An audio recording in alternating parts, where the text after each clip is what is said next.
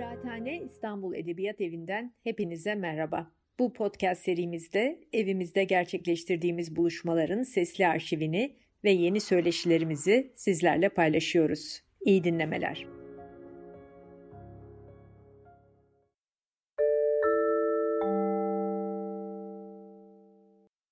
Merhaba herkese, iyi akşamlar. Ee, bugün e, 2021 yılının edebiyat tarihi konuşmalarının sonuncusunda e, beraberiz. Bu konuşma serisi bizim Yasemin Çongar ve Didem Ardalı Büyük Arman'la birlikte e, organize ettiğimiz e, bir söyleşi ve e, bayağı da bayağıdır da devam ediyor ve galiba arada böyle çok meşhurları da konuşuyoruz. Sadece her zaman e, bilinmeyenleri değil. Bugün de Türk yazarlarından birini Oğuz Atay'ı e, konuşuyoruz. Bugün Oğuz Atay'ın ölüm yıl dönümü ve e, Hilmi Tezgör'le birlikte e, bugün Oğuz Atay'ı konuşacağız. Merhaba Hilmi, hoş geldin. Merhaba Seval, hoş bulduk. Teşekkür ederim. Herkes hoş geldi tabii bu arada izleyenler. Evet, merhaba diyelim. Hep birlikte konuşacağız Oğuz Atay'ı. Evet. Ee, Hilmi e, şu anda Almanya'da, Berlin'de Kendisi uzun bir süredir Almanya'da Essen Üniversitesi'nde öğretim üyesi olarak görev yapıyor. Birçok çalışması var. Onlardan bahsetmeyeceğim. Zaten yeterince yani tanıyorsunuz Hilmi'yi. Fakat bugün özellikle Oğuz Atay için bir araya gelmemizin sebebi Hilmi'nin bir Oğuz Atay derlemesi, Korkuyu Beklerken'e gelenler, Oğuz Atay'ın hikayeleri üzerine yaptığı bir derleme. E, bu derleme çok ilgi gördü. Sanırım yeni baskısını da yaptı. Geçen yani bu yıl yaptı sanırım değil mi? Dördüncü ya da beşinci baskıyı yaptı sanırım. Bayağı evet. ilgi görüyor. Ve Oğuz Atay'ın hikayeleri üzerine de zaten yapılmış çok fazla bir şey e, henüz yok. Yani Oğuz Atay hikayeciliği ile ilgili temel e, eserlerden birisi şu anda Hilmi'nin hazırladığı e, kitap. E, şimdi Hilmi şöyle başlayalım mı? Mesela yani Türkçe edebiyat, Türk edebiyatı dediğimizde bir Sabahattin Ali hikayeciliği, Memduh Şevket hikayeciliği, yani Sait Faik hikayeciliği hemen böyle aklımıza gelen hikayecilikler. Böyle bir Oğuz Atay hikayeciliği gibi bir şeyden bahsedebilir miyiz? Yani Oğuz Atay'ın böyle bir ayırt ediciliği ya da bir Oğuz Atay hikayesi diye bir şey var mı? Yani bunu bir bakıma söyleyebiliriz. Çünkü romanlarındaki bir bakıma karakterler, oradaki tırnak içerisinde belki biraz tutunamayan tipler onun öykülerinde de var. Ee, ama hani klasik anlamda bir öykücü olduğunu da söyleyebiliriz bir yandan. Yani buna hem evet hem hayır. Yani ne evet ne hayır değil de hem evet hem hayır diye cevap vereyim. Ee, ama tabii tema olarak hani iletişimsizlik, yabancılaşma gibi konular belki daha önce işlenmiş olsa da Atay'la birlikte biraz daha toplumun içinden herhalde e, insanlara yönelik e, bir takım eleştirel temalar öne çıktı. Onun dışında tabii çok dürüstçe bir kendiyle hesaplaşma meselesi de herhalde Oğuz Atay'ın e, öykücülüğünde ve teknik olarak da ironinin kullanımı öne çıkarak sanki Oğuz Atay'ı bu sekiz e, hikayesiyle e, özel bir yere yerleştirdi diye düşünüyorum. Yani tek kitap aynen Onat Kutlar'ın e, İsa gibi. Evet. O yüzden e, bir Oğuz Atay övgücülüğünden yani bana soracak olsam ve cevabım tek olsa evet diye cevaplamış olurdum. Evet, evet. Zaten e, dediğin gibi 1975 yılında yayınlanıyor Korkuyu Beklerken ilk Hı. olarak. E, yayınlanan ilk hikayesi bu e, kitabın e, Beyaz Mantolu Adam 1972 yılında Yeni Dergi'de yayınlanıyor ilk defa. E, ilk yayınlandığında Mantolu Adam bu e, eserin adı. Sonra kitaplaşırken Beyaz Mantolu Adam'a çevirmiş Oğuz Atay bunu. Benzer bir şey günlüğünden öğrendiğimiz kadarıyla babama mektup hikayesi de var. Orada da e, babama mektubu nasıl yazdığını görüyoruz. Bir kısım şeyleri atıyor. Yani günlükte olanların bir kısmı e, babama mektup hikayesinin e, kitaplaşmış halinde. Korkuyu beklerken de yok. E, yine e, Demiryolu hikayecileri Türk Dili Dergisi tarafından biraz katlediliyor. Yani yazarın dili öz Türkçeleştirmek evet. adı altında katlediliyor ama tabii kitaplaştığında o yine eski haline çeviriyor onu. Şimdi biraz mantolu adamla başlayalım mı? Bu böyle çok kült bir hikaye. Yani birçok hikayesi öyle ama bu mantolu adam hikayesi ne nedir yani? Mesela Oğuz Atay hikayeciliğine baktığımızda ve sonraki dönemlere etkisine baktığımızda nedir bu mantolu adam? Kimdir? Valla mantolu adam veya beyaz mantolu adam e, evet kült bir hikaye. Benim de en çok sevdiğim hikayesi herhalde. E, öyle söyleyebilirim her şeyin başında. Yani üzerine çok konuşuldu, çok e, tabii söylendi edildi ama beyaz mantolu Atay da diyebiliriz belki. Yani e, içeriğinde işte hem susku var. Aslında bir bakıma e, susan bir birey, toplumun e, dışarıya ittiği, e, yalnızlaşmış zaten bir birey, yabancılaşmış bir birey ve e, aslında herhalde Atay'ın bu öyküsü de esas kahraman varsa sanki o e, beyaz mantolu adam değil de daha çok o kalabalık. Yani kalabalık bir top, topluluk içerisindeydi derken sanki kalabalık burada daha başrolde gibi geliyor. Her ne kadar hani esas oyuncu beyaz mantolu adam olsa da o açıdan çok ciddi bir e, o kalabalığa karşı çok e, eleştiri var. Ve aslında birçok açıdan bu kalabalığın bugün de e, bizim içinde içinde yaşadığımız toplumda var olduğunu rahatlıkla söyleyebiliriz. Dolayısıyla öz, öykü e, bir bakıma çok taze. Desem böyle bir giriş yapsam herhalde. E... Evet, sanırım Atay'ın yazdıklarının bizi bu kadar çok etkilemesi. Yani her yani sonuçta bazı yazarları okuyoruz ve bizi çarpıyorlar. Yani evet. Oğuz Atay da öyle bir yazar. Hani böyle bizde bir iz bırakıyor okurda. Ve bütün eserleri böyle.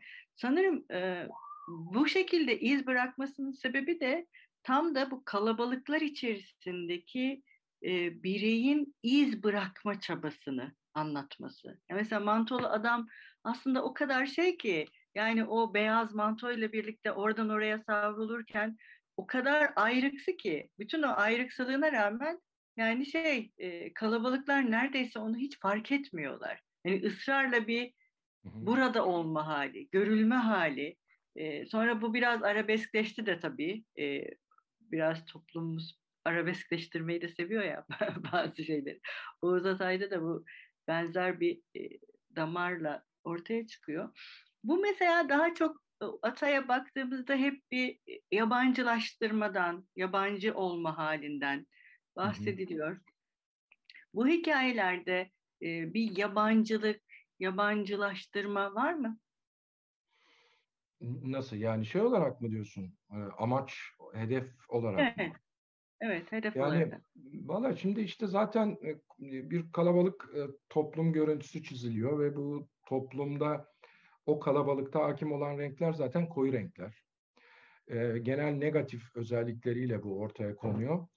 Ve öte yanda da yazın ortasında bir kadın mantosu satın alan, cebindeki bütün parayla kadın mantosu satın alan, yazın ortasında tekrar çiziyorum ve beyaz renkli bir kadın mantosu satın alan bir erkek var. Dolayısıyla zaten buradaki e, bir bakıma e, ayrılık, e, ayrıksılık, yabancılık hali çok net olarak e, kontrast halde ortaya konuyor diye düşünüyorum ve e, burada Önemli olan bir de sus, susuyor olması. Çünkü kalabalık çok konuşkan. Yani böyle bir takım ikili karşıtlıklarla falan ilerliyoruz öyküde ve e, tabii çok duygusal da bir öykü. Yani e, hem susan, cevap alınamayan, tepkisiz kalan, içine kapanan bir bireyden söz ediyoruz. Ve giderek yalnızlaşan, hatta işte son sahnelere gelindiğinde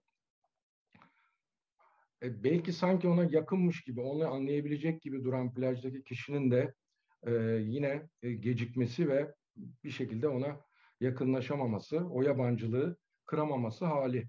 Ama yine de öyküde bazı anlar var ki e, beyaz mantoluyla kalabalık arasında minik yakınlıklar da var. Ama esas tema tabii buradaki büyük uçurum. Evet, bu iletişimsizlik değil mi? Uçurum ve iletişimsizlik yani bu ta tutunamayanlardan başlayarak bütün eserlerine yayılan bir şey. Hatta belki hepsi birer tutunamayan denilebilir mi? Sadece bu hikayelerdeki kahramanlar değil sanırım. Bütün edebiyatı için Atay'ın. Yani bütün hepsi için öyle bir genelleme yapmak e, düşünülebilir, akla gelebilir ve böyle de belki genel olarak söyleyebiliriz. E, mesela bu tutunamayana e, babama mektuptaki e, babayı da katabiliriz aslında. Yani o da ona bakarsanız yani öyle bir çembere almak istersek o da bir tutunamayan. Dolayısıyla e, evet bu iletişimsizlik halini ama iletişimsizliği seçtiğini de beyaz mantolu adamın söylemeliyiz. Çünkü kalabalıkla ortak e, noktası olamayacağı için susmayı yeğliyor. Yani susma konusu burada önemli. Çünkü beyaz mantolda ve ikinci hikayede unutulanda aslında zaten ölü orada tabii konuşamaz ama susmalar sanki bu bireylerde veya karakterlerde diyeyim e, öne çıkıyor. O yüzden e, ama sonra mesela daha konuşkan oluyor Atay'ın hikayelerindeki bireyler.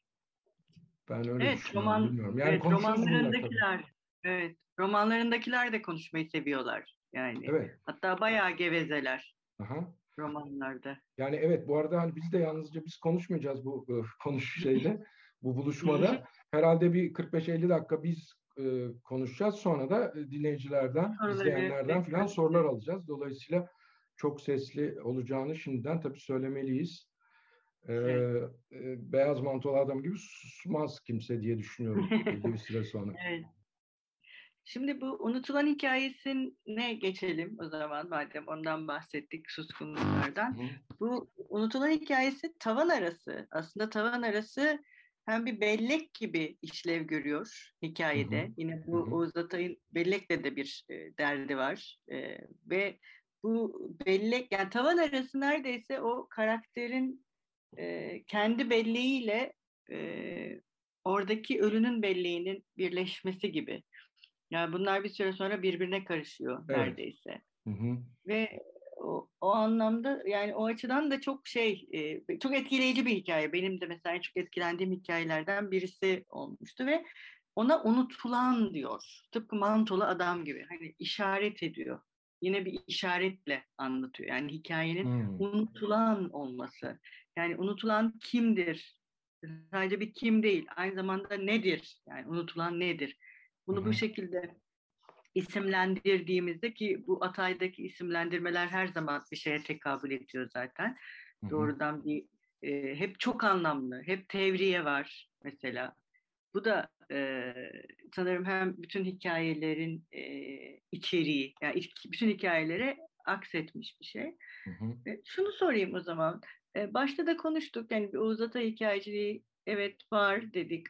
Peki genel olarak bu hikayelere baktığımızda mesela nelerle karşılaşıyoruz? Yani korkuyu beklerken okuduğumuzda böyle neler var ortak olan bu hikayelerde? Şey ha yani Oğuz Atay'ın öykülerindeki aslında temalar falan gibi ortak Hı-hı. özellikler gibi. Valla yani işte aslında bilinen şeyler. İletişimsizlikten bahsettin sen. Yabancılaşmadan bahsettin. Ee, yüzleşme tabii çok. Hesaplaşma bunlar önemli. Ee, aslında bir bakıma yalnızlık hali, uyumsuzluk hali, umutsuzluk hali ve hatta mutsuzluk hali de tabii bunlar zincirleme var. Kıstırılmışlık var, çaresizlik var. Ee, aslında bir tür yalnızlığı kabulleniş gibi durumlar da var bazı öykülerde. Valla elbette şey de var. Ee, yani aydın eleştirisi, toplum eleştirisi böyle eleştirel bir boyutu da var. Bir de böyle kesin geçişleri kaçırma halleri çok. Yani hmm. sanki bir şeyin ne zaman değiştiğini fark edemeyen bir birey. Yani iletişimsizlikten o an orada olamamaktan dolayı bir şeylerin kaybolması, gitmesi ve e, yok olması, gitmesi aslında. Böyle bir, bir bu bağlamda bir kayıp gibi bir tema da ortak olarak düşünülebilir sanki. Yani evet. Bir yığma gibi oldu ama yo, yo, doğru. özellikler. Evet. bir de e, tabii Oğuz Atay deyince ilk aklımıza gelen şeylerden birisi ironi. İlk girişte de bahsettin. Hı hı. Şimdi bu Oğuz Atay'ın ironisi nasıl bir ironi bu? Yani biraz farklı bir ironisi var. Nasıl yani, Oğuz Atay ironisi dediğimizde ne, ne an, nedir Oğuz Atay ironisi? Yani Oğuz Atay ironiyi kullanıp aslında e, herhalde ne demeli anlatmak istediği acıyı güzel anlatabilmek için ya da güzel demeyeyim de sahici diyeyim. Daha sahici bir şekilde ama melodrama düşmeden e, anlatabilmek için ironiyi kullanıyor. Yani ironi sanki Oğuz Atay'da böyle bir de bu, bu cümleye belki biraz e, ters düşecek ama böyle yüzeyde bir şey de değil. Yani yalnız kullanılan değil de sanki hakikaten zemine döşenmiş gibi. E, yani böyle bir tarafı var. E, ve bu ironiyle aslında herhalde acıyı e, aktarılabilir hale getiriyor diye düşünüyorum. E, ve tabii bir yandan da hani kendisini de kendisiyle de çok e, cesurca hesaplaştığı için burada da ironiyi kullanıyor diye e, düşünüyorum. Yani çok önemli bir eleman. Hakikaten çok önemli bir eleman. Tabii mizahla, kara mizahla iç içe geçmesi de e, Atay'ın bu bir bakıma acı dolu, zaman zaman acı dolu öykülerini okurken bile bizim e, kahkahalar atmamıza yol açıyor. Bir de işin öyle bir tarafı var. Yani ben ne evet ne hayır kadar güldüğüm bir öykü okumadım Türk Edebiyatı'nda. Mesela. Evet. Ne evet ne hayır ve bir mektup. Bunlar mektup türünde yazılmış iki hikaye. Ee, neden güldün? Ne evet ne hayıra? Neden bu ne kadar evet, komik? Ne evet ne hayırda ne, ne zaman gülmedim e, demek lazım. Hakikaten e, yani ve mektup e, noktasına da evet bakalım. Aslında yani tutunamayanlarda da var tabii bu mektup.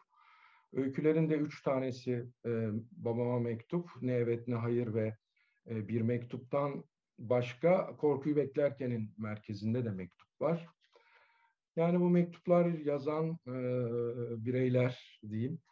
Hakikaten bu da öykülerinin ortak özelliklerinden bir tanesi. Tabii konuştukça daha fazla özellik de ortaya çıkacaktır. Ama e, şimdi bu mektuplar arasında en mizahi olan yani üst düzey mizahi olan ne evet ne hayır. Ama bir mektup da e, biraz işte o Gogol'u andıran havasıyla, biraz Rus edebiyatını çağrıştıran havasıyla o da e, hem komik hem de tabii çok e, bir yandan da buruk bir e, mektup. E, babama mektup farklı, e, bambaşka bir havası var onun. E, Valla böyle bilmiyorum savrulmayalım. İstersen sen yine sorularınla gidelim yoksa hani konuştukça laf lafı açar. Evet, konuşalım. Peki bu mektup neden özel olarak bir özel bir biçim olarak Atay'ın e, hikayelerine bu kadar giriyor? Acaba bunun iletişimle ilgili bir sorun olabilir mi? İletişimsiz bireylerin, yalnız bireylerin iletişim kurmak için metinsel bir biçim olarak e, bunu metne yerleştirmiş olabilir mi? İşte en e, çok e, alıntılanan ve en çok sevilen hikayelerinden biri olan Demiryolu hikayecilerinin sonunda doğrudan okura seslenip hani hmm. o işte ben buradayım ey okur sen neredesin acaba gibi bu acaba bu bunun böyle bir tarafı var mı mektup biçimini bu kadar çok kullanmasının? Yani benim görüşme göre var. Çünkü e, mektup sonuçta e, bir şekilde yüz yüze söylenemeyen şeylerin, duyguların, düşüncelerin e, karşı tarafa iletiliş biçimi yazılarak. Dolayısıyla e, mektup sayesinde bu iletişimsizliği kırma çabası Atay'da var desek bence yanlış olmaz. Çok kimse buna itiraz yani etmeyecektir. Edebiyat, edebiyat bunu yani evet biz kişiler olarak belki iletişim kuramıyoruz ama edebiyat bir e, iletişim kurma şekli. Yani okumak ve yazmak e, başka bir iletişim şekli. E, mesela geçenlerde bir arkadaşımla konuşuyorduk. O şunu anlatıyor. E, bazı yazarlar için yazmak sağaltıcı bir şey. Yani psikanalitik bir şey. Bayağı evet. psikanalitik bir şey. E, ama e, kendilerine baktığımızda bambaşka birileri görebiliyoruz aslında. O iki yani cisim ve yazı uyuşmayabiliyor. Sanki Oğuz Atay'ın da bu e, mektuplarla bir alt kimlik oluşturma, bir alt ben oluşturma ve oradan e, hani hep onun mizahının önemli taraflarından biri de büyük sesin altına küçük bir ses yerleştirme ya da net sesin altına daha tiz bir ses yerleştirme. Yani daha böyle bir sesleri birbirine bindirip çok seslilik yaratmanın e, başka bir şekli. Hep imkan hali. Oğuz Atay Edebiyatı'nı ben mesela hep öyle düşünüyorum. Bir evet bir sessizlik var ama bir de bir imkan arayışı var. Yani diyalog kurmak için, kişilerin birbirlerini anlamaları için e, bir diyalog yaratma hali ve bunu arama hali. Sanki mektup ve biçimler arasında bu kadar gidip gelmek, işte tutunamayanları birçok biçimle, yani biçimsel metinle bir araya getirmek de böyle bir yani edebi edebi iletişim denir mi ona bilemiyorum. Valla denir mi ben de bilemiyorum ama e, kitaba baktığımızda korkuyu beklerkendeki ilk iki hikayede e, sus, susmanın, suskunun altını çizmiştim.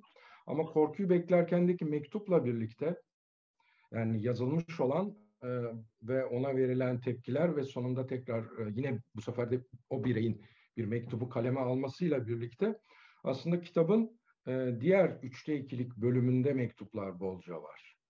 Dolayısıyla Hı-hı. hani ilk başta belki sessizlik ve iletişimsizlik varken Atay öykülerini yazmaya devam ettikçe bu mektupla e, e, yani edebiyat iletişimini bir başka bir katmana taşıyarak sanki bu mektuplarla bir bakıma güçlendirme e, çabasını da e, göstermiş. Tabii bu bağlamda da öykücü olarak 8 öykü belki toplama ama burada da bir ayrıksı taraf oluşuyor. Yani Atay öykücülüğü deyince sanki mektup öykücülüğü gibi bir şeye de e, yani eğer çok kaba bir şekilde e, kalkışabiliriz. E, tabii iletişim kurma çabası. Yani mektuplar sayesinde işte e, yani özellikle o Güzin abla köşesi gibi Akın Korkmaz'ın köşesindeki e, şeyler e, ne evet ne hayırda daha keza çok ciddi bir iletişim kurma çabası, yalnızlığı giderme çabası ve dışa dönük bir çaba. Yani ilk iki öyküde kitaptaki bence dışa dönük bir çaba yokken üçüncüden itibaren o dev e, öyküyle, korkuyu beklerken öyküsüyle sonraki öykülerde bir iletişim çabası var, dışa dönük bir çaba var. Ama e, sonda da adeta bunun e, silikleşmesi ve yok olmasıyla Oğuz Atay'ın öykülerinin e, ne yazık ki sonu geliyor gibi geliyor bana. Evet, mühendis olmasının da etkisi var sanırım bunda. Bu çerçeve hikayeler yaratmak, farklı biçimler arasında geçişler yapmak, değil mi? Biraz metni çizgilerle düşünmek gibi e, bir alışkanlığı da var sanki Atay'ın. O çizimlerin e, yani metin met başka biçimlerle çizilmiş e, daha büyük e, metinler hep ben e, gözümün önünde canlanıyor okurken Oğuz Atay'ı. Şimdi bu korkuyu beklerken gelelim biraz o kitaptaki en büyük öykü yani hacim olarak. Kitaba adını veren öl, o öykü ve beklemek yani. Korkuyu beklemek. Bu da ilginç bir şey. Yani böyle bir ismi. Korkuyu beklerken devam eden bir eylem var burada bitmemiş. Süreklilik halinde e, devam ediyor ve işte Ubor Metenga diye bir örgütten alınan bir mektup var. E şimdi bu Ubor Metenga örgütünün ne olduğunu bilmiyoruz. Ama sen hatırlarsın Açık Radyo'da bir Ubor Metenga diye bir program vardı. Evet. Değil mi yıllar önce? Evet. Ayfer Tunç, Murat Gülsoy ve Yekta Kopan üçü birlikte yapıyorlardı sanırım evet, evet, değil mi? Evet, evet. Ubor Metenga. Ee, bu öykü de aslında yine benim geçen yine okudum. E, böyle açık öğretim gibi. Oturup kahraman her şeyi ya 70'li yıllarda değil mi? Oturup evden bütün eğitimini alıyor yani mektupla. evet. Evet bir de tabii yani geçirdiğimiz iki yıla da dünya bağlamında konuşuyorum. Evlere kapanma bağlamında da bu öykünün e, güncellenmiş bir anlamı oluştu. Öyle yeni bir yorum da katılabilir hakikaten. E, evde hayatlarımızı sürdürmek durumunda kalma. Tabii ki e, farklı depresif haller bunlar. Öyküdeki farklı bir depresif hal. E, kapalı bir hal. Biz de korkuyu bekliyorduk aslında değil mi? Yani, Evlerde. Evet bir bakıma hakikaten e, orada da bir korkuyu bekleme hatta belki pandemideki yaşanan e, tam sözlük anlamıyla korkuyu bekleme haliydi. Öyküdeki ise belki biraz daha farklı, e, daha yoruma açık. Ama orada da e, bir dışa dönük çaba var diye düşünüyorum. Yani kör, kör, e, korkuyu beklerken öyküsü belki tematik çeşitlilik açısından şeyin en zengin öykülerinden bir tanesi. Şeyler, e, Atay'ın yazdıkları arasında. Çünkü büyük bir hesaplaşma öyküsü bir yandan. Bir yandan bir içe kapanma öyküsü, bir yandan da dışa dönük ciddi bir çaba. Yani arada dışarı çıkmalar, para harcamalar, iletişim kurma çabaları, evlilik e, çabaları gibi e, ama sonunda kendini cezalandırmaya varan çok e, dramatik, bence en karanlık öyküsü e, Oğuz Atay'ın. E, en kapsamlı öyküsü, en oylumlu öykülerinden öyküsü. Bu açıdan e, özellikle son iki yılda hakikaten e, yeni bir anlam kaz, kazandı diyebiliriz. Ve böyle yazılar da herhalde gelecektir bu bağlamda. En azından bir iki tane yazı gelecektir diye düşünüyorum. Doğru. Tam doğru, sorunu doğru. cevaplayabildim mi emin değilim. Daha doğrusu soru evet, da değildi evet, sanki de. de. Yok bence de öyle. Bir de şeyden biraz bu demiryolu hikayelerine geçelim mi? Bu en sevilen öykülerinden birisi sanırım. Değil mi? Evet, senin en sevdiğin en... galiba. Evet benim en sevdiğim demiryolu hikayecileri. Benim en sevdiğim e, bu kitaptaki e, hikaye. E, bu tabii şey de burada bütün bahsettiğimiz bu mektup hikayesi, iletişim kurma, yalnızlık. Hı hı. Burada tabii doğrudan bence yani demiryolu hikayecilerinde demiryolu da olması her şeyin yazının kendisinin aslında bir iletişim, bir yerden başka bir yere gitme ve bir yolda olma hali, bir yolculukla doğrudan e, sembolik sembolik hale geliyor diye düşünüyorum. Zaten e, kitabın işte yazın ortasında beyaz manto giyen bir adamla başlayıp demir yolu hikayecileriyle bitmesi de tesadüf olmasa gerek. Bunu kurguladığını düşünüyorum yani Atay'ın bu sıralamayı. Hı hı. E, ve orada doğrudan hani şeyle de bitirmesi. Demir yolu, e, orada hikaye yazanlar ve işte ben buradayım. Sen neredesin? Ey okurla e, bitmesi hı hı. bu kompozisyonun ya bir kompozisyon var aslında kitapta düşündüğümüzde hı hı. diye ben e, onu düşünüyorum ve tam da bu iletişim ve yazma halinin kendisi bir demir yoluyla e, Fatma Hoca da burada galiba. Fatma Hoca'nın da yeni bir kitabı çıktı bugünlerde demir yollarıyla demir yoluyla ilgili. Belki o da bize katkıda bulunur e, hocamız. E, yani bu e, ne diyorsun sen e, gerçekten sonunda yani sen ne düşünüyorsun? Bu demir yolu hikayesi nedir? Nedir oradaki demir yolu? Bir şey bir şey yani gerçekten sembolik mi? Ben öyle düşünüyorum ama mesela sen ne diyorsun? Öyle mi? Yani ya da başka türlü okunur mu? Evet, ilk e, ilk öyküdeki tabii tren yolculuğundan bahsettin. Hani orada bir tren e, ve demiryolu olması ve son öyküde de demiryolu hikayecileriyle tabii ki. Yani Oğuz Atay herhalde bunlara çok dikkat etmiştir, çok e, hassasiyet göstermiştir bu konuda tabii. Yani demiryolu e, demir yolunu kullananlara aslında öykü çatma, satma çabası var. Yani o yüzden e, belki de o işleyen hayat, gidip gelen hayat gibi ama e, hikaye anlatıcıları ise bir köşede durup o hayattan hikayeler çıkarıp onları tekrar okurlarına geri döndürmeye, bir bakıma recycle etmeye çalışıyorlar İngilizce söylersek. Tekrar kazandırmaya çalışıyorlar. Ee, yani o bağlamda demir yolu gitgide yok oluyor, hayat oraya uğramaz oluyor. Yani sanki o öykücülerin yazdıklarını artık alacak kimse kalmıyor. Yani hikaye anlatıcılığının o onuru, e, haysiyeti bir bakıma hedefsiz kalıyor. Yani onun ulaşabileceği bir dünya, o gitgeller içerisindeki trenlerin e, gitgeliyle e, anlatılan dünya sanki yok oluyor gibi geliyor bana. Ben öyle yorumlamıştım. Ve e, entropi yani gitgide bir yok oluş var. Yani çok ciddi bir yok oluş. Ama sonunda tamamen varoluşa yönelik de bir soruyla bitiyor Oğuz Atay'ın öykü külliyatı. Sonuç itibariyle orada ben buradayım okurum sen neredesin acaba diyerek aslında oradan çok büyük bir yükseliş de var son cümlede.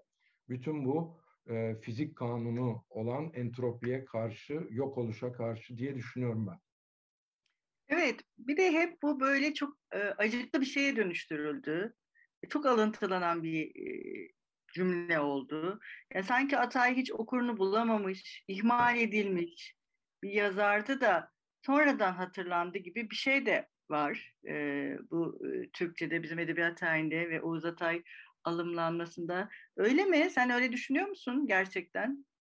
Değeri Şimdi, bilinmemiş yazar mı Oğuz Atay? Geç mi keşfedilmiş? Şimdi benim takip ettiğim kadarıyla yani bendeki kitap aynen bu ilk aldığım günkü kitap. Yani 1987'de iletişim yayınları bunu ilk defa bastığında kitap fuarından aldığım kitap.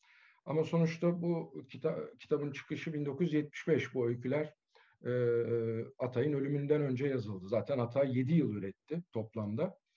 E, yani 10 yıl sonrasında ancak biz buna edinebildik. Ve e, bilinen aslında senin söylediğin evet zamanında ilgi görmedi ve sonra giderek artan bir ilgi görmeye başladı adım adım.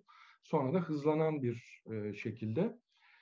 E, tabii şimdi o öykünün sonundaki cümle Oğuz Atay yazmış olsa da o cümleyi e, öykün içinde yer alıyor. Yani bir kurgunun içinde yer alıyor. Ama biz onu hep Oğuz Atay söylemiş gibi düşünüyoruz. Bir de o var. Yani aslında orada demiryolu e, hikayecilerinin söylediği bir şey gibi hem de değil gibi. E, ben Atay'ın yani ta, ben demiyorum bunu tarih diyor. Biraz evet geç e, kıymeti e, bilinmiş yazarlardan olduğunu söyleyebiliriz. Ama sonrasında ne kadar bilindi o da tartışılır bence. Yani ortada çok fazla tabii ilgi var. Ama hangi boyutta bunun gerçek derinliği ne onu da sorgulamak lazım belki. Bilmiyorum ne dersin sen? Doğru haklısın. Ben de aynı şeyi düşünüyorum. E, Atay'ın şansı hakkında çok iyi yazılar yazılmış olması oldukça iyi yazılar var. E, bu yıl aynı zamanda tutunamayanların da 50. yılı yayınlanışından bu yana 50 yıl olmuş. Biz Oğuz Demiralp'le birlikte Açık Radyo'da e, bir 50. yılı dolayısıyla tutunamayanların bir program yapmıştık. Mesela orada Oğuz Bey şey söyledi. Neden tutunamayanlarla ilgili bir kitap yazmadık? Yani yazmadım Hı-hı. dedi kendisi için. Yani bu Hı-hı. kitap için daha bir sürü kitap yazılmalıydı diye. Hı-hı. Ee, evet as ama şöyle bir şey var mesela bu derlemelerin de hem bir e, topografi topografya gibi yani bu yazar hakkında ne düşünüldüğünü görmek açısından iyi bir şey. Hem de neleri e, öne çıkarıp nelerin e, geride kaldığını görmek için de iyi bir şey e, bu Hı-hı. derlemeler. Aslında daha derin okumaları e, ne diyeyim yol açan kitaplar ama ben de aynı şeyi düşünüyorum. Evet bugün e, e, Atay'la ilgili daha yapılacak çok şey var. Yani e, çünkü eserler zaten işte kompozisyonunu konuşuyoruz şimdi mesela. Benim bildiğim kadarıyla bu kitabın kompozisyonuna dair hiçbir yazı yok. Korkuyu beklerkenin değil mi? Neden bu kitap bu hikaye sırasına göre yerleştirilmiş? Bu hikayeler birbirleri arasında geçişler var mı? Varsa yazar bunu nasıl yapıyor? Bu mektupları mesela böyle bir işlevi var mı? Bilmiyorum ben rastlamadım böyle bir yazıya. Evet. Ama muhtemelen var yani. Hı hı. Bunu şimdi konuştuğumuza göre ve ikimiz de bunu e, dillendirdiğimize göre muhtemelen var yani böyle bir şey. Evet hakikaten Oğuz Atay sandığı, edebiyatının sandığı açıldı ve çok fazla yazı üretildi, üretiliyor. Ee, iyi edebiyat sonuçta Oğuz Atay'ınki. İyi edebiyat hakkında da iyi yazılar çıkması normal. Yani kötü bir edebiyat hakkında iyi yazı çıkması e, imkansızsa e, ki öyle bence iyi edebiyat hakkında iyi yazılar çıkacaktır. Çıkıyor da. E, devam da eder tabii. E, bu açıdan aslında sevindirici. Ama e, soru neydi ya? yani Atay yeterince derinlikte işlendi mi? Yani evet ee, hala. Yani bence hiç fena değil. Yani bir şekilde e, Atay hakkında herkes bir de yani bir e, işin akademik araştırma, derinlikli e, çözümleme, e, kavrayış e, şeyleri, çeşitleri falan dışında olaya sevgiyle yaklaşıldığını evet. da görüyorum ben. O çok önemli diye düşünüyorum. Çünkü Oğuz Atay'ın zaten bence kendisi sevmeyi bilen ya da en azından e, bu yönde çok ciddi çabalar sarf etmiş, cesurca çabalar sarf etmiş biri olduğu için e, bence onun okuru da veya seveni de değil, okumadan seveni de aynı yaklaşım içerisinde. E, bu çok önemli gibi geliyor bana. Yani bu, burada bir tamamlanmışlık var. Yani bir yazar hakkında çok şey yazılmış olabilir, iyi şeyler yazılmış da olabilir. Ama bunun sevgiyle yapılıyor olması, en azından çaba gösteriliyor olması, ben e, Oğuz Atay'ın e, biricik olmasının e, nedenlerinden biri olarak görüyorum veya acaba, sonuçlarından biri. Aynı, acaba bu aynı zamanda bilimsel mesafe alamamak ve bir mesafe koyamamayı da beraberinde getirip araştırdığı nesneyle uzak görememek, belki Atay'daki kusurları görememek. Çünkü Atay hep böyle yüceltilen de bir yazar. Ee, yani Ama... genelde yazılan şeylere baktığımızda bayağı yüceltilen e, ve o mesela o erilliği daha çok yeni konuşulmaya başladı. Kadınlara karşı yani ürettiği söylemin son derece eril olduğu, kadın kahramanların neredeyse hiç olmadığı yani kaç tane kadın kahraman var bütün edebiyatına baktığımızda. Var olduklarında da sadece karton tipler gibi ortaya çıktıkları. Yani toplumsal cinsiyet açısından baktığımızda eserlerinin oldukça sorunlu olabileceği. Yani söyleminde e, ayrıca bütün bu geve, gevezeliklerin yani Atay'ın sorunlu olduğu yerleri de konuşursak hani bu iyi e, edebiyatının yanında. Çünkü Atay'ı bence iyi yapan şeylerden biri de o kusurları. Yani o kusurlar onu sahici kılıyor. Evet. E, yani tabii önemli bir nokta bu. Senin söylediklerin ve zaten e, tutunamayanlarda galiba sen bu konuda bir yazın da var diye hatırlıyorum. E, yani kusurlu haller tabii ki var. Zaten galiba Oğuz Atay'ın bu kadar sevilmesinin nedeni yani ben iyi edebiyat derken edebiyatının her açıdan muhteşemliği ve kusursuzluğu değil tam tersine yarım yamalaklığıyla e, bu tahici sevgi noktasına ulaşıyor. Çünkü hepimiz öyleyiz. Yani hepimiz eksiklerimizle ve yarım yamalaklıklarımızla varız. O yüzden bence zaten Oğuz Atay'ı çok seviyoruz. Çünkü o bu yarımlıkla, bu eksiklikle yüzleşmeyi e, hem de en sert bir şekilde, en cesurca yüzleşmeyi becerebildiği için ve bizler beceremediğimiz için bu adamı bu kadar seviyoruz. Yoksa senin söylediğin eksiklikler, kusurlar, erillik, şu bu filan mutlaka vardır. Ama bu mesela şimdi beat edebiyatının, Amerikan beat edebiyatının en büyük yazarlarından bir tanesi Jack Kerouac'ta da var. Adam tamamen neredeyse bir erkek edebiyatı ama bu ama iyi edebiyat o yapacak bir şey yok. Yani tamam bu böyle bir özelliği var ama iyi edebiyat. Önemli olan da bence benim için bu. Ve bu sevgi bağı yani e, herkesin e, Oğuz Atay'da ilginç olan şey şu. Yani herkes Oğuz Atay'ı daha iyi anladığını düşünüyor. Daha çok sevdiğini düşünüyor filan mesela. Yani e, bu çok özel bir şey. Yani Oğuz Atay benim adamım. Öbürü diyor hayır benim daha çok adamım. Yani bunu Orhan Pamuk için kimse yapmıyor. Evet.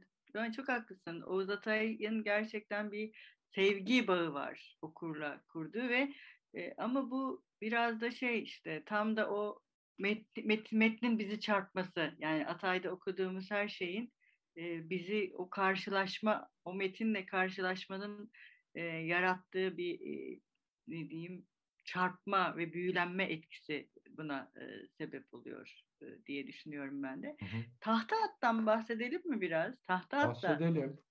Bahsedelim. Evet, Tahta At da bayağı e, evet, benim tabii, ta- çok unutamadığım öykülerdendir. evet. Yani Tahta At e, tabii enteresan bir öykü. Çünkü herhalde en ilgi çekici tarafı şey olsa gerek. E, yani bu toplumsal sosyolojik boyutu çok net olarak ortada. Yani e, orada e, bir Çanakkale'nin e, Truvası'nda oradaki yerel halkla e, daha vulevu bir tipin sakallı e, yani belki de orada Oğuz Atay'la da onu özdeşleştirebiliriz oradaki karakteri Tuğrul Tuzcuoğlu'nu nın bir bakıma oradaki çatışması yani en farklı tarafı bu öykünün bence o boyutun e, çok öne çıkmış olması. Hatta yani dönem o zaman ünlü slogan 6. filo evine dön öykünün yazıldığı sıralar o Amerikan filosuna edilen laf burada şey var ya e, tahta at nerede?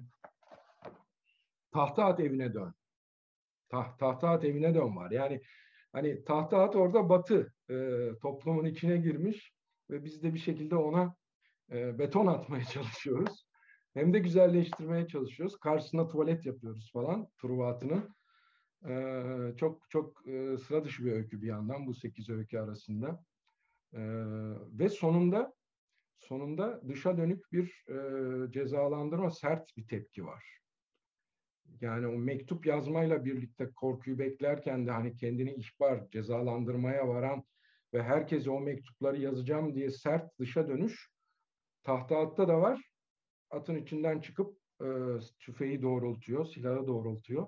O açılardan e, iyi bir öykü, bayağı iyi bir öykü. Çok. Bence bütün öyküler çok iyi bu kitaptaki. Benim e, hepsini. Evet. Bir de söylediğin şey çok önemli. Yani bütün bu hikayelerde hep bir dışa dönüklük var yani. Dışarıya bir e, dışa içten dışarıya bir açılma hep var. E, o yüzden de hiçbirisini belki çok umutsuz gibi de görmemek. Yani hep bir umut var. Belki böyle de düşünmek lazım mı? Yani beyaz mantolu adamı dışarıda tutabiliriz bence. O çok e, onun sonu intihar.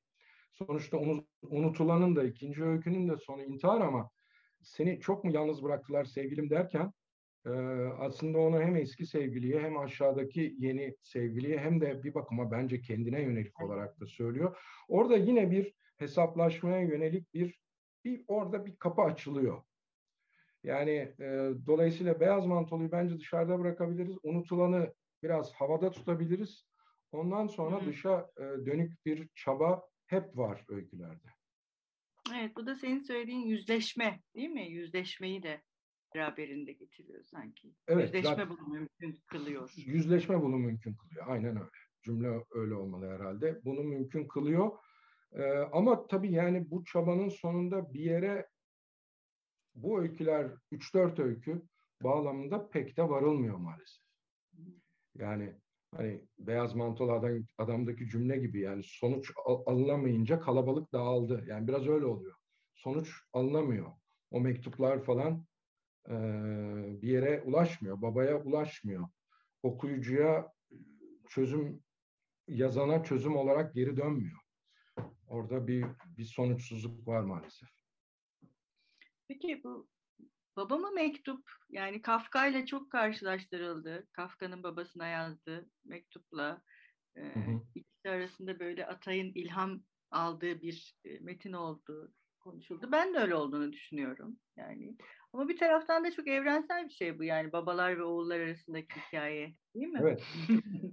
evet, e, güzel bir hikaye çok. diye düşünüyorum. Yani e, tabii şöyle bir fark var.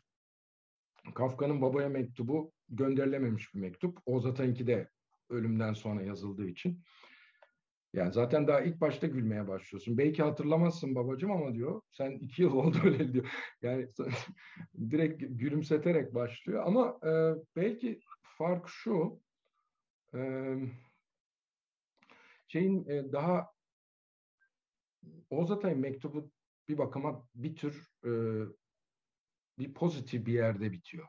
O pozitiflik de e, oğlun babayla e, bir bakıma e, ortak bir noktada buluşması ve bir bakıma da ölümünden sonra iki yıl diyor çünkü yasını tamamlamış olması. Yasını tamamladığı için adeta babaya bak ben yasımı bitirdim. Yani senin ölümünden sonra yaşadığım yası bitirdim diyor. Yani yaslar bir şekilde bitmek durumunda. Biz matah gibi onları tutuyoruz, uzatıyoruz bölcüklet gibi falan ama aslında yas bittiğinde makbul bir şey.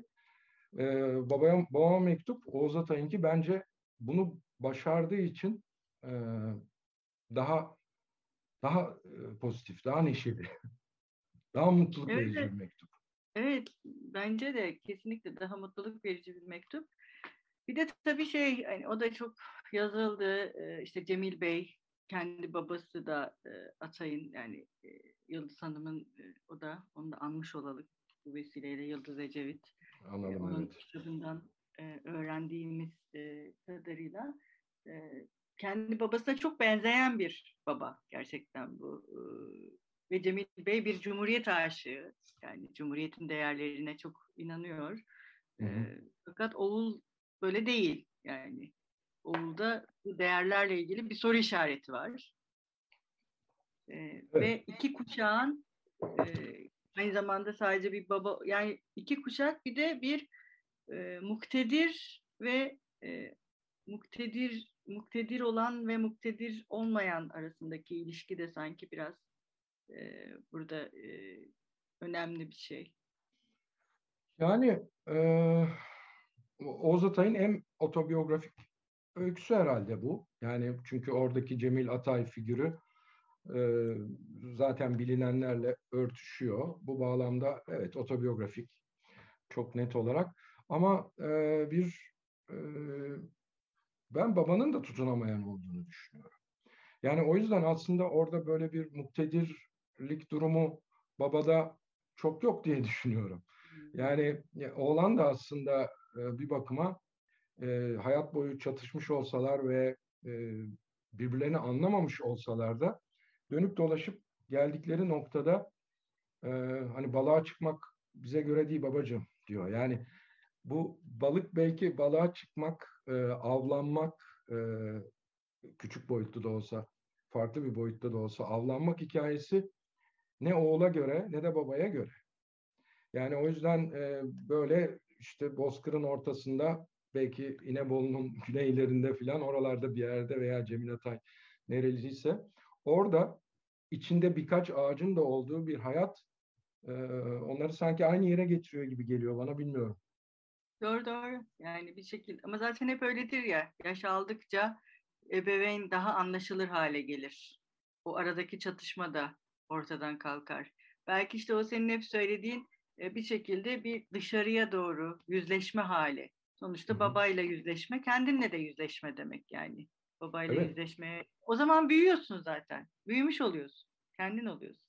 Yani evet sanki e, buradaki oğul yani Oğuz Atay e, otobiyografik olarak bakarsak yani ne çocuk kalmış ne de tam büyümüş gibi geliyor. Aynı babası gibi aslında. O da arada kalmış. Hani biraz... E, Aynı anlattığı Türk insanı gibi aslında Atay'ın değil mi? Ne insanı gibi? Türk insanı gibi. Aynı Ya evet işte biraz Nurdan Gürbüz'ün şey yaptığı gibi çocuk evet. kalmış toplum olma hali. Ya evet yani bence ikisi de tam büyüyebilmiş değiller. Ee, çok ne yaptıklarının e, farkında da değiller. Özellikle bence baba çok öyle farkında değil. Yine oğul e, biraz daha farkında diye düşünüyorum ve bütün bunlarla hesaplaşıyor. Aslında babayla hesaplaşma e, bağlamında mektubun içerisinde esas kendiyle hesaplaşıyor. Yani en otobiyografik metni derken bence Hani eğer bir takım alıntılar yapacaksak, sosyal medyaya Atay'dan bir şeyler koyacaksak ama onlar romanlarından olmasına rağmen biz onların altına Atay yazıp yanlış yapacaksak bari o alıntıları babama mektuptan yapalım. Çünkü en otobiyografik olanı o. Evet. Çok haklısın. Ee, şimdi biraz sorular ve şeyler var. Onlara bakalım istersen. Bakalım, bakalım olur, olur. Şimdi Onları Hakan, sen söyleyeceksin değil mi bana? Evet, Hakan acısını ironi ile sindiriyor demiş. Hı hı. Sadece Hakan yazdığı için bilemiyorum. Hı hı. Münire Çalışkan Tu, Demiryolu hikayecilerinde ben buradayım sevgili okur, sen neredesin diyen yazar, öykünün sonuna doğru kendisi de okurdan uzak bir yerde konumlanmış mı? Artık oradan tren geçmiyor ama okura seslenen yazar orada. Nasıl ulaşacak okur ona? Ya işte orada e, bence hikayenin e, ikinci ismi bir rüya. Yani orada gelinen nokta, öykünün son e, bizi getirdiği nokta aslında, adım adım getirdiği nokta neredeyse bir rüya hali. Ama o son cümle rüya halinin dışına adım atılan, yükselilen ve çok daha gerçekle, gerçek dünyayla bağlantı kurulan bir son cümle o. Orada gerçekten Atay konuşuyor. Ve ben buradayım derken daha iyi öyküler yazdığının farkında olan ve yazmayı da keşke yazabilseydi, yazmayı da sürdürecek olan bir Oğuz Atay orada var. O yüzden aslında o kayıp dünyanın içinde değil bence. Orada boyut değişiyor diye düşünüyorum. Ancak böyle yanıtlayabilirim bu soruyu. Evet. Önder Şit, hocam merhaba. Demiryolu hikayecilerinin sanki hakikaten biraz daha farklı bir tadı var diğerlerinden. Ne dersiniz? Tabii sanatçı meselesi de devrede bunda. İyi sohbetler. Evet, biraz farklı mı? Ne diyorsun? Farklı. Demiryolu hikayecileri. Farklı. Yani e, mesela yarattığı atmosfer açısından bence, şimdi burada bu tabiri kullanayım bilmiyorum daha batılı bir kere. Bence daha batılı bir öykü. Diğer öyküler daha bizden öyküler sanki. Demiryolu hikayecileri bence biraz evet, Kaf, Kafka, Kafkaesk hali, biraz böyle Paul Austervari hali falan böyle biraz e, şeyde duruyor. E, Teorik kesin. okumaya da çok yatkın bir metin o yüzden. Teorik. Evet. Yani birçok şey var. Ki gösterge bilimsel bir okuma yapmış evet. bir şey hocamız falan. Evet evet Fatma Hoca doğru. Ee, Hakan yine demiş ki yarım yamalaklığı ile yüzleştiği için sağlam bir cümleydi. evet, yarım yamalak ama sağlamsa iyi. evet, Fuat Hoca'dan bir şey var, Fuat Ercan'dan. Yusuf Atılgan'ın metinlerindeki olay kahraman örgüsü ile Oğuz Atay'ın olay kahraman örgüsü arasında bir bağlantı kurabilir miyiz? Ve devam ediyor hocamız.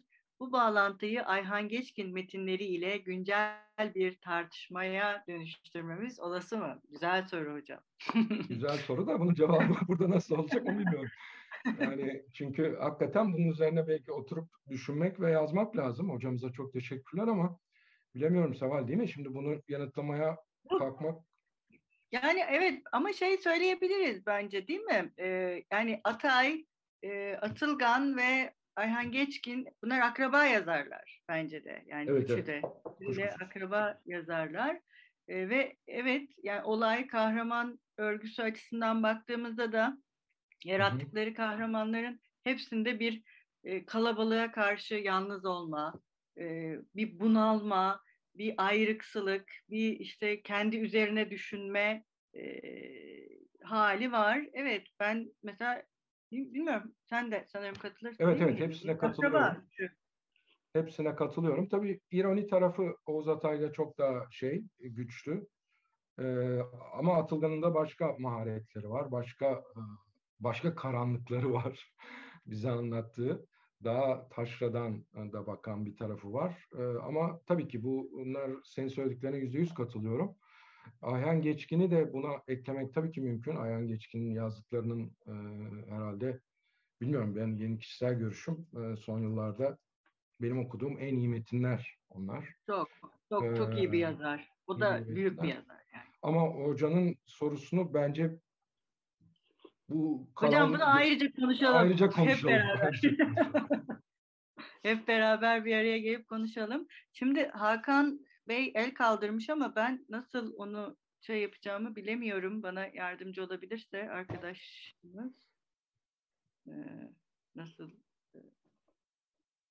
Ha ben görebiliyor muyum katılanları ya? Yani Hakan Bey el kaldırdığında ne yapmam gerektiğini bilemedim. Eğer Neyse o zaman şuradan devam edeyim onu çözene Hı. kadar. Sözlü Mustafa olarak. Evet sanırım sözlü olarak söyleyecek o yüzden. Mustafa Türk ben, Oğuz Atay'ın James Joyce'den etkilenmesi hakkında ne söylersiniz? Meltem Gürlen'in bu konuda bir kitabı var biliyorsunuz diyerek. evet hakikaten Meltem Hoca'nın. öyle diyelim. Yani evet Meltem Hoca e, benim meslektaşım. Aynı yerdeyiz. Aynı üniversitedeyiz. Esen'deyiz. Ona da buradan selam yollayalım. Evet çok Eğer selam. Hakikaten belki de takip ediyordur bilmiyorum. Evet ee, takip ediyorum.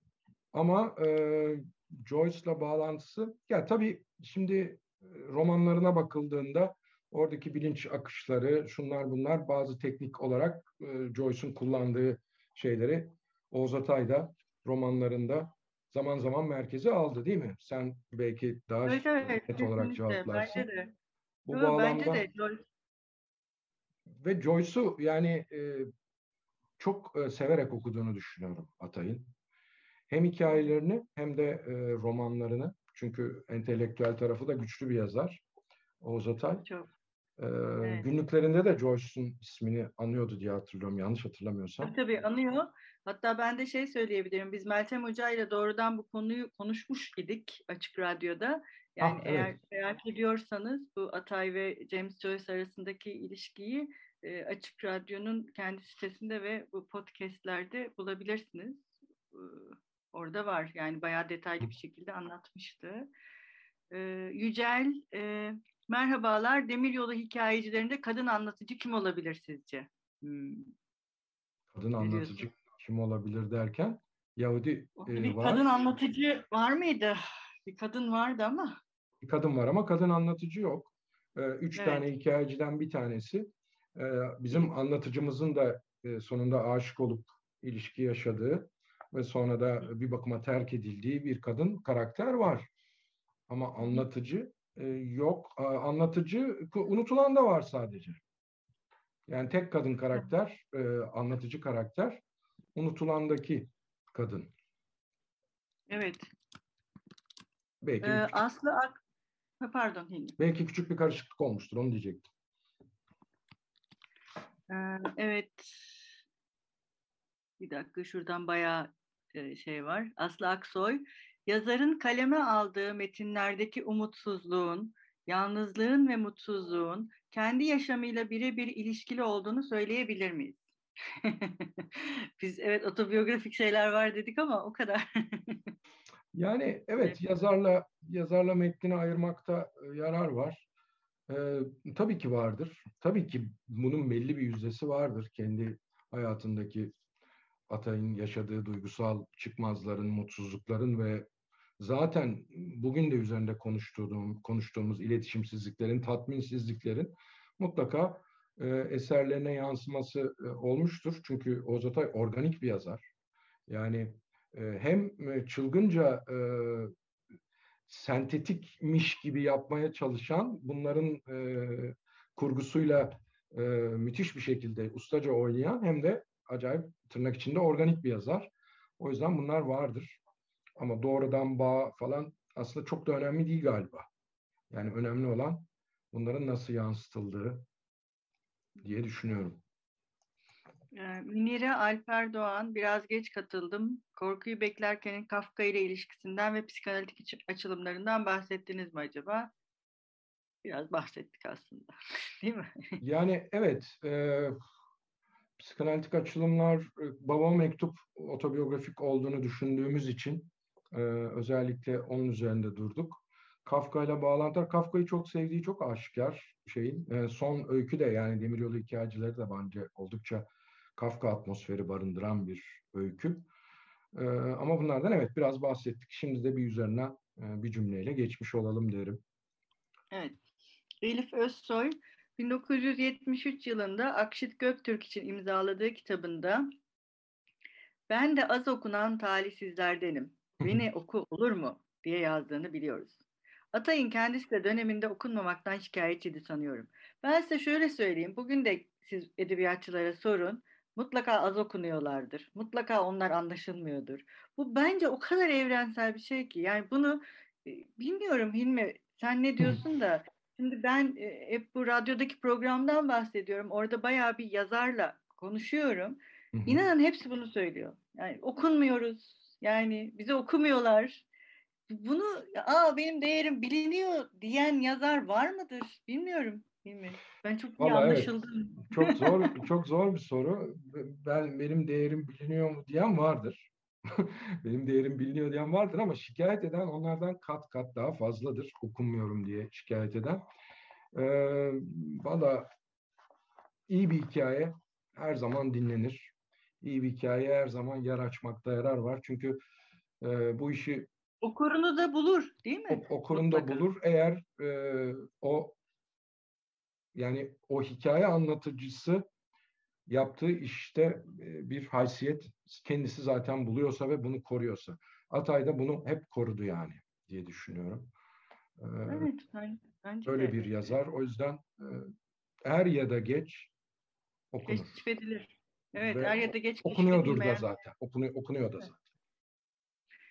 Aynur Aksu, merhaba. Unutulan hikayesinde mekan, bellek ve psikanalitik açıdan pardon, unutulan hikayesinde mekan, bellek ve psikanalitik açıdan nasıl değerlendiriyorsunuz? Osman Konuğ'un Verniş Korsako sendromu şiirindeki eski gömlek cebinde bulunmuş onluk sevinci mısrası ile ilintilendiriyorum. Nasıl değerlendiriyorsunuz? Güzel. Bu yani hikayeyi ben... derinleştirebilir misiniz? Ben bunu bilmiyorum Osman Konuğ'un. Osman Konuğ'un bir, bir dizesi olabilir şiirinde. Evet yani tabii ki şimdi şöyle yani unutulana Oğuz Atay'ın unutulan öyküsüne psikanalitik bir bakış diye güzel bir yazı yazılabilir. Bunun için oturup e, çalışılır ve ortaya tabii ki bellek üzerinden bilinç dışı işte o tavan arası hepimizin tavan arası var. E, hem somut anlamda var hem soyut anlamda var. Dolayısıyla e, kuşkusuz bunlar arasında bu öyküde bağlantılar kurmak ve buradan bir takım e, yorumlara varmak mümkün. Ama e, bunları herhalde bu bu tarz söyleşi bağlamında yapmamız çok mümkün değil. Ama o cepte bulunan 10 lira mıydı banknot? E, tabii bir bakıma onlar arasında da e, yitirilmiş veya yitirildiğini sanmış değerler bağlamında bir paralellik kurabiliriz diye düşünüyorum. Evet. Çünkü e, ortadan kayboldu sanmış ya sevgili. Yani yukarı çıkmış, tartışmışlar ve ben evde yokken inmiş ve gitmiştir diye düşünüyorum dedi. Yani çok e, tabii bir yandan e, çok buruk bir öykü. Onu da söylemek lazım. Oysa o dizedeki bulunan para bir yandan bir neşe şeyi unsuru. Evet, Ahmet Ergenç sormuş. Atay'ın babası da modernizmin tutunamayanı sayılabilir. O yüzden Oğuz Atay, iktidar ve baba figürlerini, generaller vesaire acımasız eleştirilmez, alaycıdır, ridiküle eder. Ne dersiniz?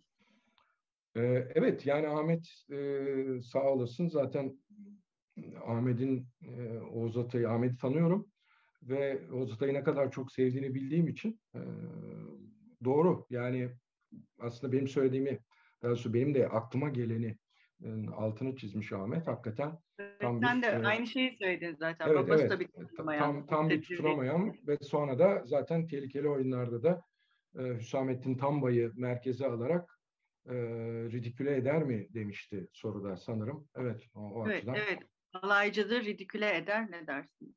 Denmiş. Katılırım. E, hakikaten özellikle Hüsamettin Tambay bağlamında e, yani muhteşem bir roman tabii yani tehlikeli oyunlar. Hani ben, ben soracak olursam ben tehlikeli oyunları tercih ederim. İkisinden birini alıp götürecek olsam. Ee, ama e, bu, orada tabii ki yani e, tam da bunu yapıyor. Ahmet'in söylediğini yapıyor. Evet.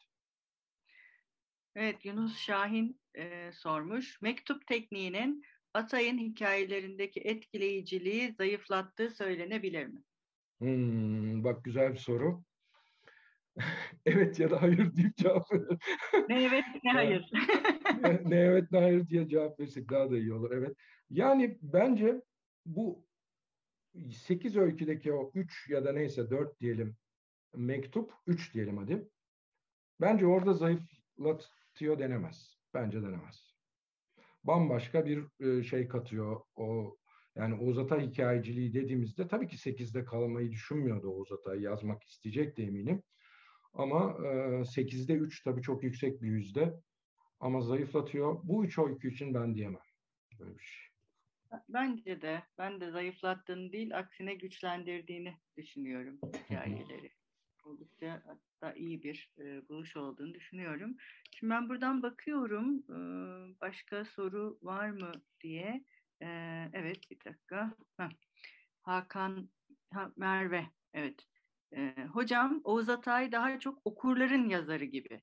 Sanki edebiyat dünyasındaki yeri yeteri kadar belirgin değil. Ne düşünürsünüz? Klişeye kaçmadan anlatamadım. Okurlarının sevgilisi daha çok. Okurların yazarı derken acaba şeyi mi kastediyor ee, arkadaşımız?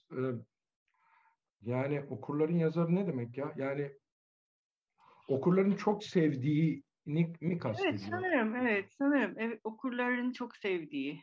E, evet. evet edebiyat dünyasındaki yeri belli değil. Hani okur seviyor ama sanki edebiyat tarihinde bir yere yerleştirilmedi gibi mi acaba? Ya e, şöyle bir şey söylenebilir belki.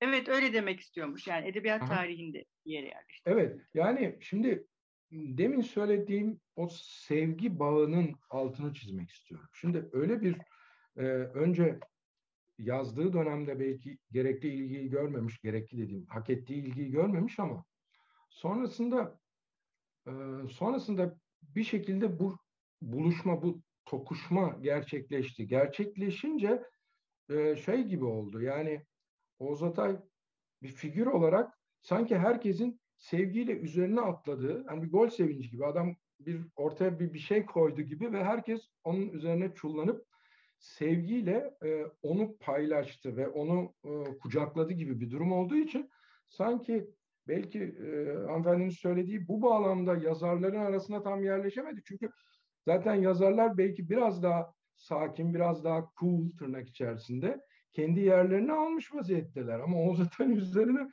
sevgi bağı çöktü. Dersek sanki e, buradaki belki bir oraya yerleşmemişliğin bir e, şeyi açıklaması olabilir. Bilmiyorum çok naif bir şey söyledim belki. Çok e, zor bir soru. Bence de çok haklısın. Evet Hakan e, özel hayatı, iş hayatı ve sosyal hayatı açısından yaşadığı hayal kırıklıklarını, olamamış bir yığın insan arasında kalmışlığını yazarak aşmayı denemiş bir yazar bence Oğuz Atay. Ve tüm bu eserlerin müsebbibinin de kendisi kadar Sevin sevdiğe duyduğu sevgi ve yaşadığı ilişkinin kendisi olduğunu düşünüyorum. Bunu başka yazarların, şairlerin hayatında da bulduğumu söyleyebilirim. Evet, e, iyi bir yorum. E, bir sürü insanın katılabileceği bir yorum diye düşünüyorum. Evet, başka yazarlarda ve şairlerde de benzeri örnekler çıkarılabilir belki.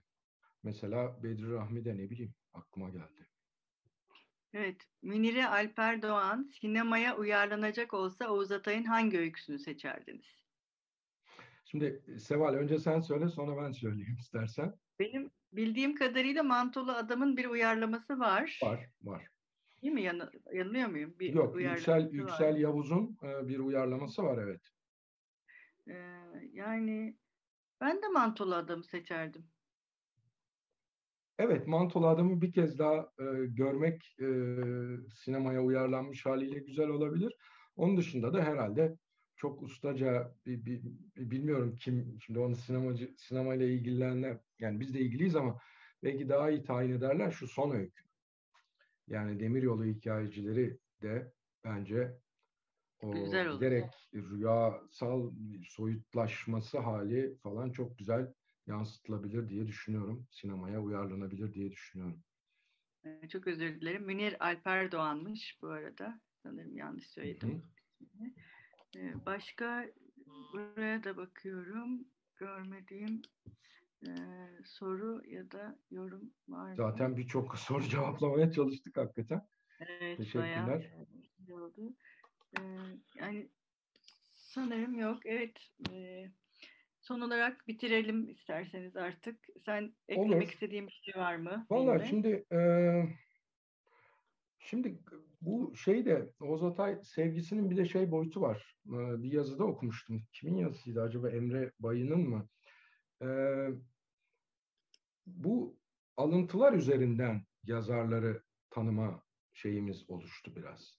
Yani biz e, e, birçok insan tutunamayanları okuyamıyor. Yani satın alıyor, e, okuyamıyor e, ya da oku belki de işte dediğim gibi o kadar çok konuşuyor ki Atay. Zor da yani. Bitirmek de kolay değil. Zor. Ve e, böyle bir takım alıntılar üzerinden biz Atay'ı seviyoruz. Bir takım efsaneler üzerinden seviyoruz. Bir takım fotoğraflar, e, belki bir iki görsel filan üzerinden seviyoruz.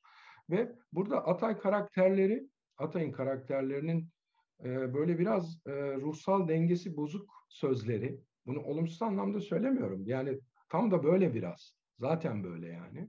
Doğal olan bu. Bu, bu sözlerin altına biz Oğuz Atay söylemiş gibi bunu yazıyoruz. O karakterler değil de. Ve içimizde, içimizde bulunduğumuz dünyaya sanki çok uyuyor Seval. Yani şu an bizim memlekete, bizim coğrafyaya, bizim ruh halimize, memleketimizin çok uyuyor. O yüzden de yani Zaten şey Türkiye'nin ruhunu yazmaya çalışıyormuş evet, ya. Başarmış yani, aslında bunu yani. Bence bence başarmış. Ya, güzel söyledin. Yani o frekanstan kop kopmuyoruz ki yani Atay onları zaten o frekansa yığmış daha önceden. Böyle bir tarafı var işin gibi geliyor bana. Ama Yo, yani bu alıntılar alıntılar işini çözmemiz lazım. Yani yalnız alıntıların ötesine şiirde de, e, romanda da, öyküde de bunları biraz daha geçmemiz lazım. Şimdi Ezgi Özülkü güzel bir şey hatırlatmış. Kumbaracı 50'de Demiryolu hikayecileri, Beyaz Mantolu Adam ve Unutulan e, uyarlamaları oynuyor güncel olarak diye. Öyle evet, mi? Tehlikeli, evet, tehlikeli oyunlar da e, oynamıştı ve çok güzel bir oyundu. Tek kişi. Ha tabii Erdem Şen Ocağan. Evet tabii tehlikeli. Erdem Şen Ocağan çok şahane bir e, uyarlamaydı. Çok keyifle e, izlemiştim ben, izleyebilmiştim. Evet ee, ben de. Hatta üçüncü gösterisinde Şanslıymışız izleye. evet. E, bilmişiz. Ee, çok teşekkür ederiz Silmi. Çok sağ ol. Yani ben de teşekkür e, ederim. Ee, yani Oğuz Atay'ı hakikaten. Efendim? Yani Türkçenin en büyük yazarlarından birisi Oğuz Atay. Ne söylesek bir şey eksik kalacak. Evet. Yani değil mi? Gerçekten de öyle. Yani biz de sevgiyle analım onu. Hakikaten e, benim için de edebiyatta bir bakıma girişimi onunla yaptım. E, Çehov'la, Kafka'yla ve Atay'la yaptım.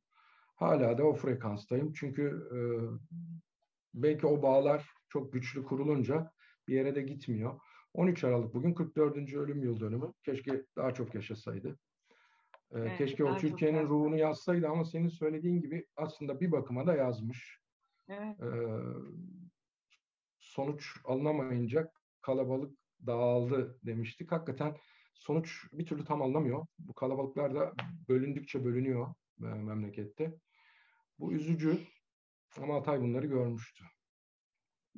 Ee, iyi ki biz ölüm yıl dönümünde iyi ki doğdun Oğuz Atay diyelim o zaman. Evet, Herkese aynen. bol bol Oğuz Atay okumaları dileyelim. Yeniden yeniden okunabilecek bir yazar. Hepinize iyi akşamlar. Ee, çok teşekkürler Hilmi tekrar. Çok sağ Ben de teşekkür ederim. Katılanlara, e, cevaplayamadığımız sorulara ve bütün desteklere çok teşekkürler. Hoşçakalın. İyi akşamlar.